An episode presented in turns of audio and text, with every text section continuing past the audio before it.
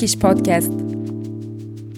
Herkese merhaba. Easy Turkish Podcast'in yeni bölümüne hepiniz hoş geldiniz. Ben Emin. Bugün yine Cihat'la beraberiz. Nasılsın Cihat? İyiyim Emin. Teşekkür ederim. Sen nasılsın? Ben de iyiyim. Tam anlamıyla iyileştim diyemem ama biraz daha iyiyim. Evet, bugünkü bölümümüzün konusunu bizimle paylaşır mısın? Tabii ki. Bugün tüketim alışkanlıklarımızdan bahsedeceğiz biraz. Geleneksel yöntemlerle mi alışveriş yapıyoruz hala yoksa internet alışveriş hayatımızın merkezine oturdu mu? Bugünün konusu bizim için bu. İnternet alışverişi hayatımın merkezine oturdu diyorum ve bugünkü bölümü sonlandırıyoruz. Hemen haftanın tavsiyesi kısmına geçelim. Benim de yanıtım aynı. Aynen öyle. Ya şu, şunu söylemek istiyorum öncelikle. İnternetten alışveriş olmadan önce de ben geleneksel alışveriş yöntemini sevmiyordum ve mecbur kalmadıkça yapmıyordum. Ne demek istiyoruz geleneksel alışveriş yöntemi dediğimiz şey ne ama onu da bir belirtelim. Mağazaya gidip fiziksel olarak orada bulunarak, deneyerek, dokunarak, görerek alışveriş yapmak. Evet hatta buna telefonu falan da ekleyebiliriz yani bence biraz o da var. Eskiden böyle yemek sipariş ederken mesela başka bir konu olarak telefonla sipariş etmemiz gerekebiliyordu zincir restoranlar dediğimiz yerlerden. Arayıp 150 dakikada ben şu hamburger istiyorum yok büyük boy olmasın yok şunu ekleyin bunu çıkarın diye 5-10 dakika konuşuyorduk onu dahil ederim. Evet ben de artık bu geleneksel dediğimiz yöntemleri asla kullanmıyorum. İnternet bana çok daha mantıklı, hızlı ve güven verici geliyor ilginç bir şekilde. Evet. Şu anda öyle mağazaya gidip oradan alayım diye düşündüm. Çok az, çok sayılı şey var açıkçası benim de. Ya şöyle söyleyeyim ayakkabı deneyip almadan olmaz yani. Onu bile şu anda ya internet üzerinden yapıyorum. Ya bence numaran belliyse ya numaranından eminsen çok çok çok da gerekmiyor hatta. Bazılarının kalıbından emin olamadığım için belki düşünürdüm ayakkabı konusunda. Ben hep internetten sipariş ediyorum ayakkabılarımı. Ya ben de mesela pantolonda aynısını düşünürüm. Pantolonu nedense gidip denemem lazım gibi geliyor. Kesimini anlayamadığım için. Ya diyorum ki yanlış gelse bile en kötü gider bir büyük bedenini şey iade ederim. Bir büyük bedenini söylerim yani. Evet çok akla yatan bir yöntem. Ben de seninle bu konuda evet, Yani çünkü şimdi git, gitsem alışveriş merkezine denesem orada bulamadım başka alışveriş merkezine gideceğim illa mesela o markayı almak istiyorum diyelim. E, çok vakit kaybedeceğim ama internetten sipariş verdim evime geldi 10 saniyede denedim olduysa oldu muhteşem olmadıysa iade ettim. Yani 10 dakika uğraştım mesela ekstradan ama fiziksel olarak ilk denemede bulamazsam o mağazaya git öbür alışveriş merkezine git hangi yerde stokta varmış falan filan derken ya bilmiyorum keyif almayan biri için zulüme dönüşüyor bence. Ya adım adım gidelim. %100 katılıyorum söylediklerine. Şu şekilde başlayabiliriz bence. Senin söylediğin gibi bir mağazaya gittiğim zaman istediğimi bulamama ihtimalim var. X bir markanın X bir şubesine gittiğim zaman hoşuma giden ürünü orada bulamayabilirim. İnternet bana tüm kataloğunu açıyor. Farklı pazar yerlerinde ya da kendi web siteleri de olabilir. Bu ürünler satılıyor sonuçta ve ben tüm kataloğa ulaşabiliyorum. Sadece orada mevcut halde bulunan ürünlere muhtaç değilim. Başka ürünler de alabilirim. İkinci Bir aşama... şu da var bak onu geçme ikinci aşamaya geçmeden önce e, dediğine hak veriyorum. Git, yani mağazaya gittin o mağazada olsa bile görmeyebiliyorsun bazı şeyleri. Evet tabii. İnternet üzerinden bunu kaçırma şansın çok daha düşük oluyor. E, kesinlikle. E dediğim gibi tüm kataloğu sana eşit seviyede sunması muhteşem, akla yatan. Bence tüketiciyi çok çok avantajlı pozisyona geçiren bir şey. İkinci aşama fiyat. Çoğunlukla, çoğunlukla diyorum çünkü aksi durumlarda yaşanıyordur eminim ki. İnternetteki fiyat mağazadakinden daha ucuz oluyor. Çok daha ucuz oluyor genelde. Genellikle kampanyada oluyorlar. O kısmını geçiyorum. Daha ucuz bir seçenek hep bulunuyor. Çünkü tek bir satıcı yok. Birden fazla satıcının olduğu durumlar var. Burada da rekabet devreye giriyor. Bu sebeple fiyatların genel olarak tüketici için yine avantajın olan durumların yaşandığını düşünüyorum. Mağazalarda ya bu özellikle elektronik tip ürünlerde daha fazla oluyor bu arada bu kastettiğim. Belki kıyafette yaygın yaşanmasına rağmen o kadar da yaygın değildir. Emin değilim. Ama elektronik tür ürünlerde elektronik mağazalarına gidip almaya kalktığınızda aynı ürüne internetten o anda bakarsanız genelde internette daha ucuza seçenekler bulabiliyorsunuz. Bu da beni her zaman şeyi düşündürtüyor. Neden gidip mağazadan şubeden alayım? Bunun için tek bir yanıtım var. Çok hızlı bir şekilde elde etmek. Başka hiçbir yanıtım yok. Ya ama artık bu bu argüman da biraz geçersiz kalmaya başladı. Aynı gün teslimat yapan firma çok var artık. Aynı gün ya sabah sipariş veriyorsun akşam geliyor eline. Ve tabii canım hani tek en mantıklı şey acilen ihtiyacım var ve hemen almalıyım noktasında benim için artık. Yani onun dışında kesinlikle internetten çok daha fazla seçeneğin olduğu, çok daha ucuz fiyatların olduğu ve hızlıca da getirildiği senaryoda alışveriş yapmak çok daha mantıklı bence. Bence de. Bir de ben kendi özelimden bir parantez açmak istiyorum. Ben ayakkabı olarak mesela 49 numara ayakkabı giyiyorum. Şimdi bir mağazaya İnanılmaz gittiğim... bir sayı bu. evet yani şimdi ayakkabıcı da haklı bir yerde. Niye niye satsın ki yani 40 yılda bir bir insan gelecek alacak mesela. O yüzden niye buna sermaye bağlasın, buna işte deposunu bağlasın. Adam da haklı yani. Ama internette böyle bir şey yok. Zaten atıyorum kötü bir yerde depo tutsa düşük bir kirayla çok umurunda olmaz adamın. Satış yapıldığında gider depodan ilgili yerinden bulur alır gönderir kargo ile gelir. Çok bir sıkıntı yok. Yani bunu e, büyük beden kullanan giyen insanlar için de ayrıca çok daha rahat bir şey olduğunu söylemek istiyorum internetten alışverişin. Evet detay şeyleri bulma konusunda internet daha iyi bence. Kesinlikle. Bu tür böyle bu bir istisna çünkü 49 numara işte 47 üzeri çok fazla giyen yoktur. O yüzden söylediğin gibi 45 üzeri çok yok. Doğru. 45 rekordaki çizgi olabilir yani. ya bana şey çok oluyor mesela giriyorum. E, ayaklarım 49 numara gibi durmuyor. Soruyorum diyorum ki elinizdeki en büyük numara kaç diyorum. Hemen şey yapıyorlar. Ya gel abi vardır kesin buluruz falan. Diyorum ki abi söyle kaç yani elindeki en büyük numara. Çünkü ben 49 giyiyorum. Onu duyunca abi yok ne yaptın ya işte bizde en büyük 46 var 45 var falan. Diyorum abi ben 45 numarayı en son 15 yaşımda falan giydim. yani ben şu an bir anımızı hatırladım. Biliyorsun ki bunu anımsatmayı da çok severdim. Yıllar olmuş ama. Senin o bot alışverişin beraber gittiğimiz Bakırköy'deki. Lise kaçtı anımsamıyorum. Yıllar yıllar önce yaşanmış Lise bir 3 galiba. Evet. 2 ya da 3. İlk defa hayatında bot alacaktın kendine. Kışlık Hayatım bot boyunca hiç bot kullanmadım. Çünkü hiç giymeyi sevmiyorum. Spor ayakkabı giymeyi çok seviyorum. Kar yağdığında dahi ayaklarımın ıslanmasını, yağmur yağdığında dahi ayaklarımın ıslanmasına razıyım. Yani Ama yeter spor ki... ayakkabının rahatlığı Aynen. botun rahatsızlığından büyük mü oluyor? O kar kış kıyamete rağmen. İşte o zamanlar öyle düşünüyordum. Bir de ayağım çok büyük olduğu için istediğim zaman istediğim botu bulma durumum da yok. Bir de bot spor ayakkabıdan daha pahalı bir ayakkabı türü. E şimdi senede bir bot değiştirmem gerekiyor. Çünkü ayağım her sene bir numara iki numara büyüyor o, o dönemler. O yüzden çok mantıklı görmüyordum bot almayı. Evet ya dükkan dükkan dolaşıp bulamamıştık zaten. Bir yerde bulmuştuk. Yeraltı bir pazarında Evet, bulmuştum. yani orada en nihayetinde bulabilmiştik. Orada da bot ilk defa giydiğin için sana ağır gelmişti. O çok ağır bir ayakkabı tipi çünkü yani. Orada öyle yürümeyi yeniden keşfeden bir halin vardı. Çok hoşuma gitmişti. Ya şey oluyor ya uzaydan geliyorlar da yürümeye çalışıyorlar falan. Yer çekimine alışmak için falan. Aynen evet. ben de gerçekten yer çekimine alışmaya çalışıyor gibiydim böyle. Düşüyordum ya hatta siz yani bir hafta falan benle dalga geçmiştiniz. Bir hafta boyunca ben yürüyüşüm farklıydı. Ya evet bu arada şey o zamanlar zaten birinin başına ne gelse birkaç senelik falan malzeme oluyordu. 10 senelik neredeyse. evet. hani şu an bunu hatırlamak bile çok hoşuma gitti de evet mesela bu anlattığımız durumun bir örneği bulamamıştık o zamanlar. Bu arada internet alışverişi görecek kısa bir süredir hayatımızda var. Bu kadar yaygın olduğu halinden bahsediyorum. Ve o kadar normalleştirdik ki farkında mısın? Yani o bahsettiğin yıllarda 2010'larda hiç yoktu neredeyse. Çok çok az vardı. Ben Amazon Amerika'dan evet. kitap vesaire sipariş ettiğimi hatırlıyorum. Ve şey Yüzüklerin Efendisi serisini ve Hobbitlerin böyle box set olarak almıştım. Mesela büyük bir olaydı o benim için. O internet gelecekti, gümrükten geçecekti falan. Acaba filan. dolandırıldım mı? Evet kesinlikle yani şu an geldiği hale baksana. Ya çok şu an çok büyülendim ya. Ne kadar hızlı ilerledik yani.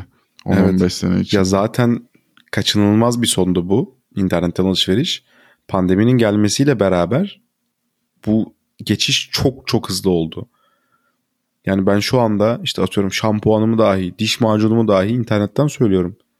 Ve e, ben de aynı şey yapıyorum bu arada. Ve şöyle de bir şey var. Bazı uygulamaları bizim Getir gibi, Bana bir gibi bu tür çok hızlı e, ne denir o teslimat hizmeti sunan dünya çapında meşhurlaştılar zaten. Yani biz bu konuda bir de iddialı bir konumdayız. Getir Amerika'ya açıldı, Avrupa'da var ve ne durumdalar ekonomik olarak işte hisselerin alemde bilmiyorum bilgim yok ama iş modelinden bahsediyorum. Baya baya iddialı bir şey var. Getir kullandığın zaman başka hiçbir şey kullanmayı düşünmüyorsun açıkçası. Çünkü çok hızlı getiriyor. Yani ben dışarı çıkıp alışveriş yapacağıma biraz daha fazla para verip evimin sıcaklığından hiç ayrılmadan o ürünlere kavuşma bağımlı oldum. Ben bunu sürekli kullanıyorum. Özellikle getirde mevcut olduğunu bildiğim daha aparatif bir şeyler alıyorsam gıda anlamında da başka konularda da niye çıkıp şimdi büfeye gideyim ki ya da markete gideyim ki? Ki buna ek olarak sanal marketler de var. Daha yüklü alışverişler yapabilmek Aynen için. Aynen öyle. Ya bir de özel kampanyalar falan denk getirirsen ki sık sık denk geliyor zaten. Normalde gidip alacağım fiyattan daha uyguna getirme şansına var hem de ayağına getiriyorlar. Evet yani dediğim gibi avantajları çok çok fazla. Bazı insanlar fiyatların daha fazla olduğunu düşündüğü için daha geleneksel düşünen insanlar ebeveynlerimiz vesaire gibi düşünüyorum daha çok o yaş grubu için.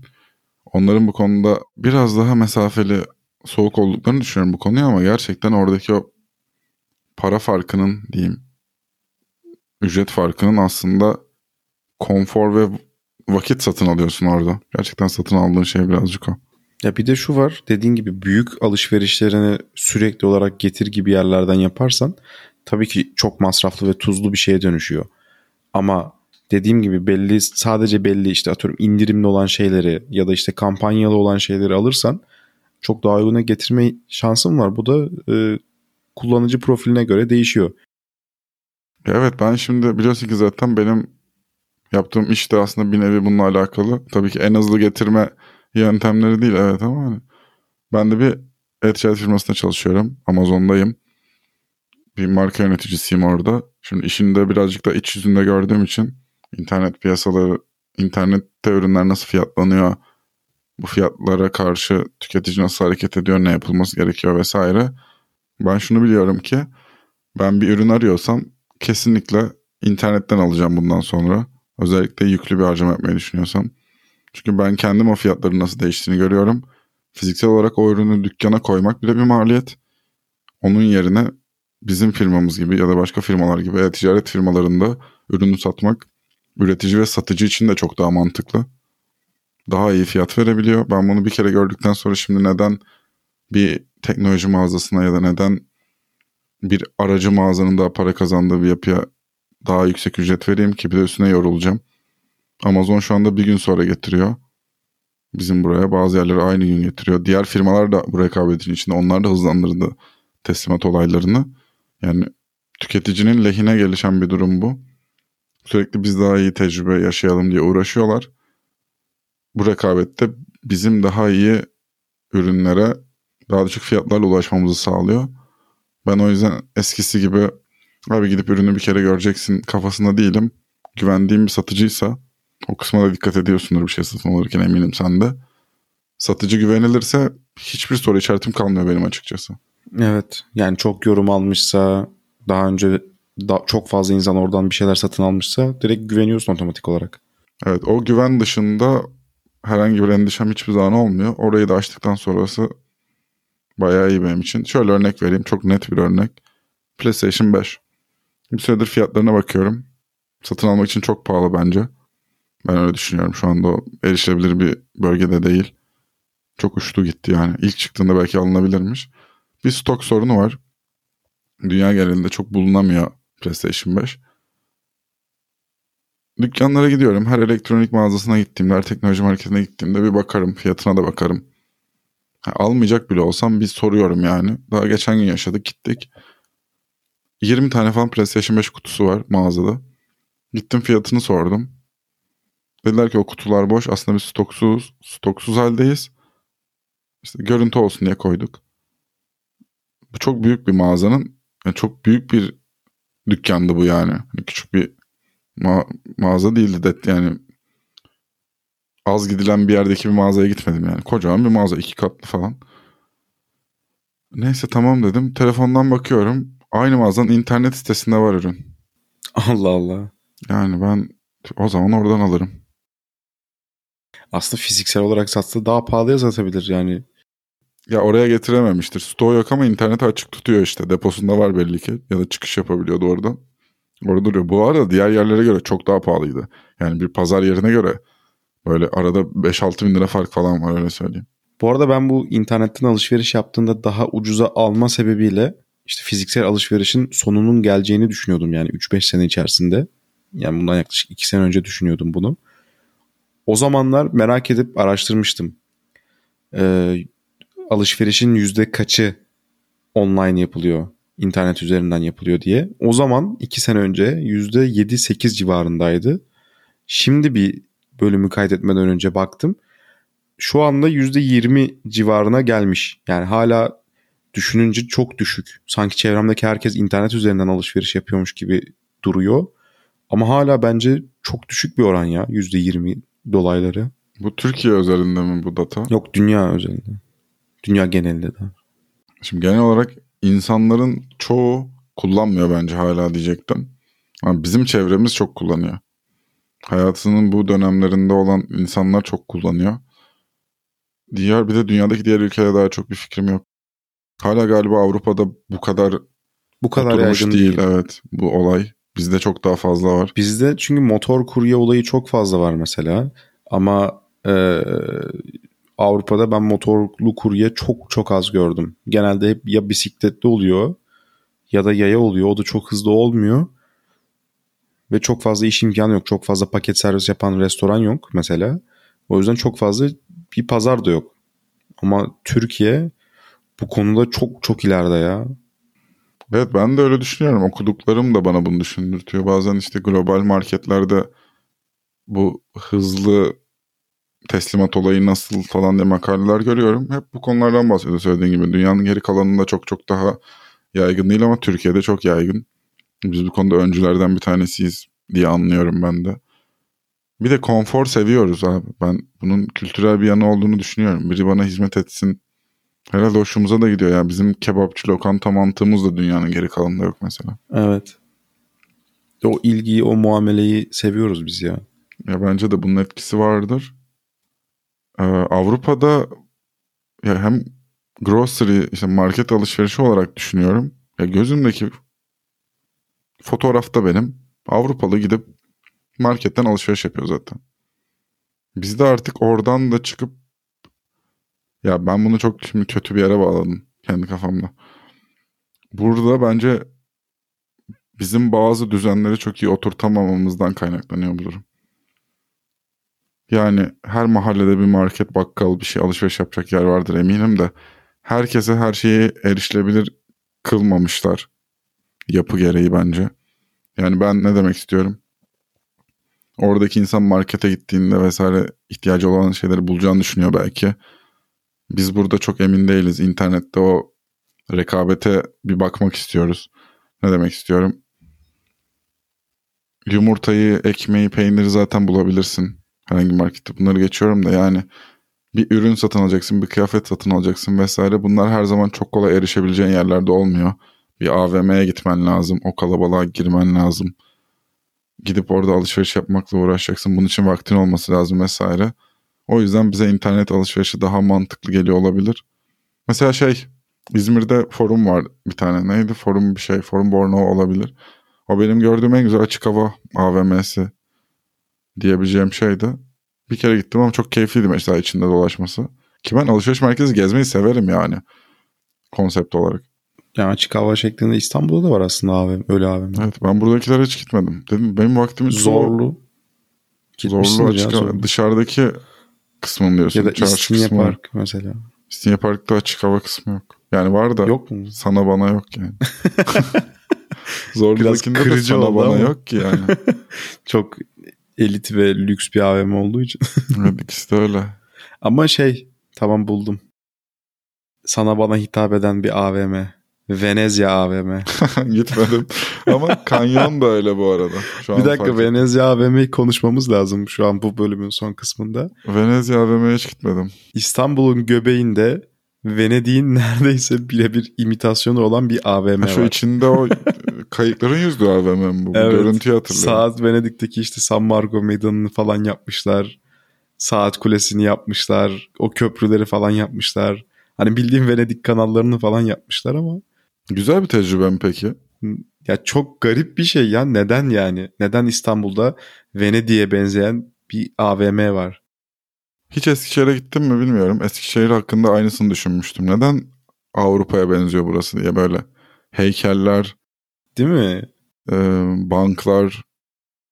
Bir de orada herkesin fotoğraf çektirdiği böyle Disneyland gibi bir yer var. Evet. Giden herkesin fotoğraf çektirdiği mutlaka. ya çok güzel bir şehir. Ben bayağı sevmiştim Eskişehir'i. Ama bir yandan da şunu düşündüm. İyi fikir diye sanki hepsini getirmiş gibilerdi böyle. Büst Ne çok iyi fikir. Evet hani Avrupa tipi işte İtalya Fransa tipi havalı banklar getir falan gibi. Bu arada bayağı güzel gözüküyorlar. Sadece bunu düşünmüştüm. Aynen. Ama buradan dinleyicilerimize sesleniyorum. Mutlaka Venezia AVM diye Google'layın. Bakın gerçekten şok olacaksınız. Eğer İstanbul'da gelirseniz gidilebilecek bir yer bence. Hani güzel olduğundan değil de biraz sorgulamak maksatlı. Hani neden böyle bir yer var burada diye değişik bir tecrübe olabilir. Yani şimdi İstanbul'a gelmiş kaç günü var belli değil. Ben 25 senedir bu şehirdeyim. Bir aktivite olarak ben yapayım tamam bunu da. Şehre gelen turist ziyaretçi niye şimdi gidiyor Venezia AVM'ye? Ama bak gerçekten çok ilginç. Ben 2016 yılında galiba gitmiştim Venedik'e. Ondan sonra gitmiştim ve gerçekten böyle saçma sapan benzerlikler vardı. Hani ben sadece işte kanallar var. O yüzden açık hava falan. O yüzden Venezia falan demiştim ama bildiğin işte saat kulesini yapmışlar. Mimarisini benzetmeye çalışmışlar. Hatta işte Rialto Köprüsü var Venedik'te. Onu falan bile yapmışlar yani. Yapmaya çalışmışlar daha doğrusu. Bilmiyorum çok çok değişik. Bir de semt olarak da İstanbul'un görece böyle iyi semtlerinden değil ya Gazi Osman Paşa. O, o da çok ilginç. Neden orada mesela? Atıyorum Nişantaşı falan gibi bir yerde olsaydı böyle bir AVM eminim ki çok çok daha popüler olurdu. Ama konum itibariyle çok da böyle popüler değil. Bu arada dışarıdan baktığında da Kolezyum'a benziyor. Ha, ben onu gördüm dışarıdan işte. Aynen. E6 yani Tem otoyolu kenarında gözüküyor o yani. Onun bilincindeyim Evet, ben de. Dışarıdan bakınca da Kolezyum'a benziyor. O da Roma'da yani. bir İtalya sevdalısı biri tarafından yapılmış bir mimar. Evet takıntılı böyle. Ya ilginç bir karar gerçekten. Bu arada Nişantaşı'nda falan olsa dedik ya. Çok kötü AVM'ler bence. Bunun niye böyle bir eleştiri Nişantaşı'ndaki AVM. yolculuğuna çıktık bilmiyorum. Cities AVM çok kötü bence. O çok kötü ya. Cities AVM çok kötü. Bence Ak Merkez sadece eski diye orada duruyor hala. Hiçbir numarası yok. Ya galeriye gittin mi yakın zamanda? Yok. Ben galeriye gittim geçen hafta. Galeri bitmiş. olmalı ya. Aynen. Dükkan yok içinde. Dedim ki burası benim çocukluğum. Sona Evet, ermiş Bu gitmiş yani. saydığımız AVM'ler bu arada eskinin ilk AVM'lerinden ama yerine yenileri çıkıp çok daha iyileri çıkınca ve bu AVM'ler kendilerini güncelleyemeyince ha yani mecbur mecburen yani bittiler. Ama hala varlar bir şekilde. Zaten Bakırköy bölgesini açıklayayım dinleyicilerimize de. Bakırköy semtinin merkezinde nedense bir ara 4 AVM vardı. Town Center diye bir AVM vardı. Aa kapandı o. Evet karusel vardı. Yanına kapasite açıldı. Karusel ve kapasite komşular birbirlerine. Karşı karşıyalar ya. Birbirlerine İnanılmaz bakıyorlar. bir şey. Bunlardan 3-4 dakika yürüyünce de sahilde deniz kenarındaki arada da denizi göremiyorsun içindeyken ama galeriye var. Ya 4 AVM vardı. 5 Şey dönemini hatırlıyor için. musun? Karusel vardı bir dönem sadece. Herkes karusele giderdi gerçekten İstanbul'da hafta sonu. Tek AVM neredeyse oydu çünkü. Sonra karşısına kapasite yapılacak haberleri çıktı. Ve kapasite yapıldı. Sonra herkes dedi ki bu ne kadar saçma niye karşısına yapılıyor. Karusel varken kapasitenin tutma ihtimali yok falan deniyordu. Ondan sonra karusel çok eski kaldı. Çünkü 3 katı falan kapasite. Heh, aynen yani bildiğin külüstür kaldı Evet. karusel. Ondan sonra bir de içindeki dükkanlar falan aynı. Orada da aynı dükkanlar var. Bu öbüründe de aynı dükkanlar var falan. Sonra karusel bayağı bir uzun süre eskide kaldı.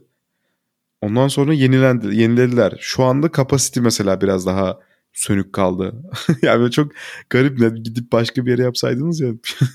Ya bir de bizde ya konunun geldiği noktaya bakar mısın? Çok hoşuma gitti. Dünyanın en büyük AVM'sini yapma tutkusu var bizde bir de İstanbul'a. Forum İstanbul'u yaptılar dediler ki burası en büyük. Marmara Forum yaptılar dediler ki burası ondan da büyük. Falan.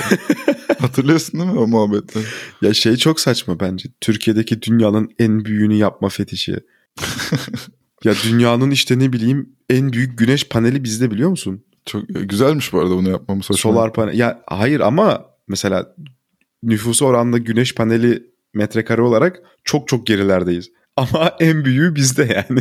Ya bir tanesinin en büyüğünü yapmışız anladım. evet. Ya da mesela işte havalimanı gerçi çok stratejik bir noktada olduğumuz için çok kullanılıyor da ya bizde bir takıntı var gerçekten. Bir şey yaptığımızda genelde böyle en büyüğünü yapmaya çalışıyoruz. Ya o AVM olayında o çok ilginçti. Hani Bence de çok ilginç. Hani Forum İstanbul çok büyük bu arada gerçekten. Yani Evet, gidip bir dolaşın. Sonu gelmeyen bir AVM. Ikea var içinde, Decathlon var, Koçtaş var.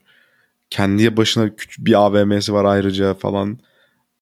Bir kompleks denir oraya gerçekten. Bir kompleks gibi bir yer. Evet.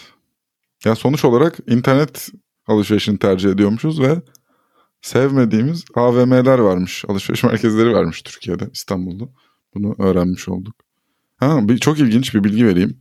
Dinleyicilerimiz için tabii sen bunu biliyorsun ama Ataköy'de de Atrium var mesela. Bir alışveriş merkezi olarak geçiyor. Atrium yine büyük cihat. Ya tırnak içinde söylüyorum. Ben konseptin güzelliğini vurgulayacağım biraz da. İş hanı ya orası aslında. Konsept olarak. Yani terzi gibi, işte berber gibi, kuaför gibi, fotoğrafçı gibi, ne bileyim banka şubeleri gibi, yemek yiyebileceğin yerler gibi. Ya benim unuttuğum orada bulunan çok fazla dükkan türü, esnaf türü vardır bu şekilde. Bunların bir araya konulduğu iş anlarını falan ben çok seviyorum. Nedense böyle bir çok sem hoşuma gider yani orada dolaşmakta. Bunların internette bulunamadığını düşünüyorum. Bu tür hizmetler daha o kadar yaygınlaşmadı bence.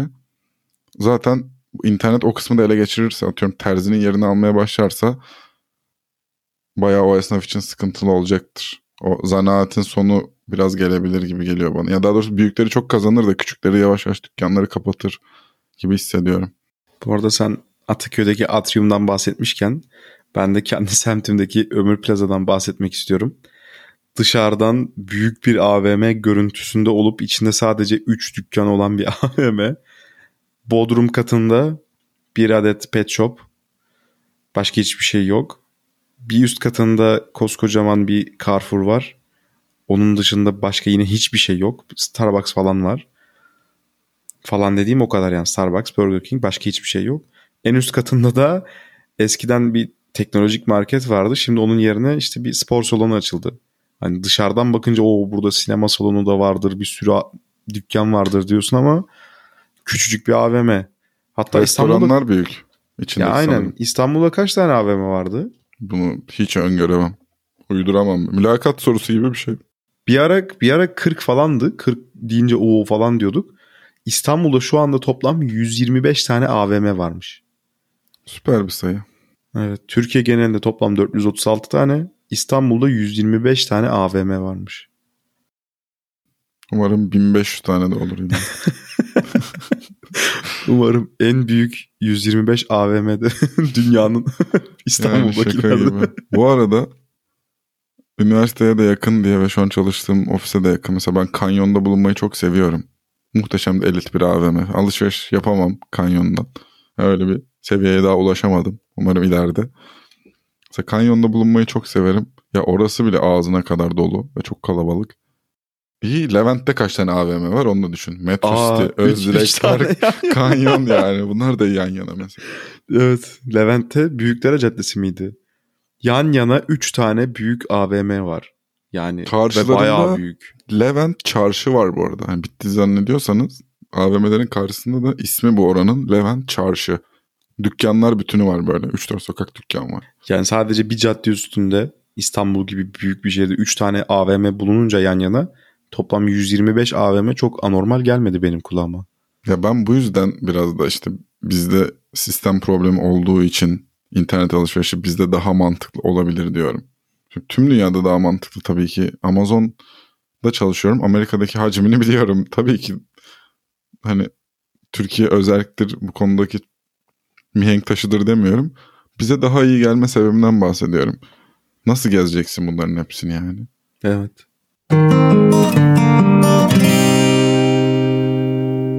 Sizden gelenler. Evet. Bu haftalık e, tavsiye bölümümüzü pas geçiyoruz. Direkt sizden gelenler kısmına geçiş yapıyoruz. Bugün Cihat'a özel bir sorumuz var. Evet bir takipçimizden gelmiş. Cihat hiç maratonda koştu mu? Biliyorsunuz Cihat'ın maratonla koşmaya özel bir ilgisi var. Öyle bir hayali var. öyle bir hayali amacı var.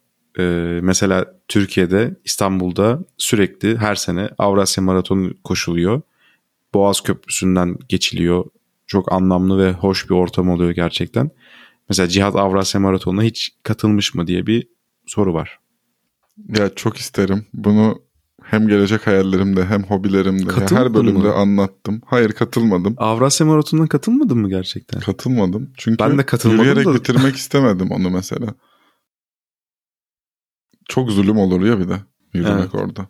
Ama zaten şey ki yürüyerek başlıyorsun. Sıkıldığı yerde bırakıp gidiyorsun. Sonuna kadar Sen. Rambo Okan'ın kazandığını hatırlıyorsun değil mi? İstanbul Maratonu'nu. Kısa yollardan Hayır. koşarak. Hayır. Rambo Okan kazanmıştı. Bir Rambo. Okan kim? Fenerbahçe futbol takımının holigan taraftarı. Evet, ikonik bir adam böyle. evet, çok ünlüdür internette. O adam kısa yollardan koşarak kazanmıştı. YouTube'da bunun videosu var. Çok komik bir video. Röportaj yapıyorlar. Çok hoşuma gidiyor. Ben bilmiyordum bunu ya. Ya, madalyayı ne yaptınız diyor. Denize attım falan. Geri istiyorlar. Ya velhasıl hayır koşmadım. Ben 25 yaşıma kadar maraton koşacağım zannediyordum artık bu kelimeyi kullanabilirim. Zan yapamadım. Şimdi 30 olarak belirledim bu süreyi. Kader kısmet diyorum artık. Umarız bu Umarım erteleme başarılı. alışkanlık yapmaz. Evet. En zaten 35'ten sonra bir daha demem herhalde. Hani 5'er Yani. sene atıyorum. Bakalım. Evet bu bölümlük bu kadardı. Bizi dinlediğiniz için çok teşekkür ederiz. Bir sonraki bölümde yine görüşmek üzere. Görüşmek üzere. Hoşçakalın.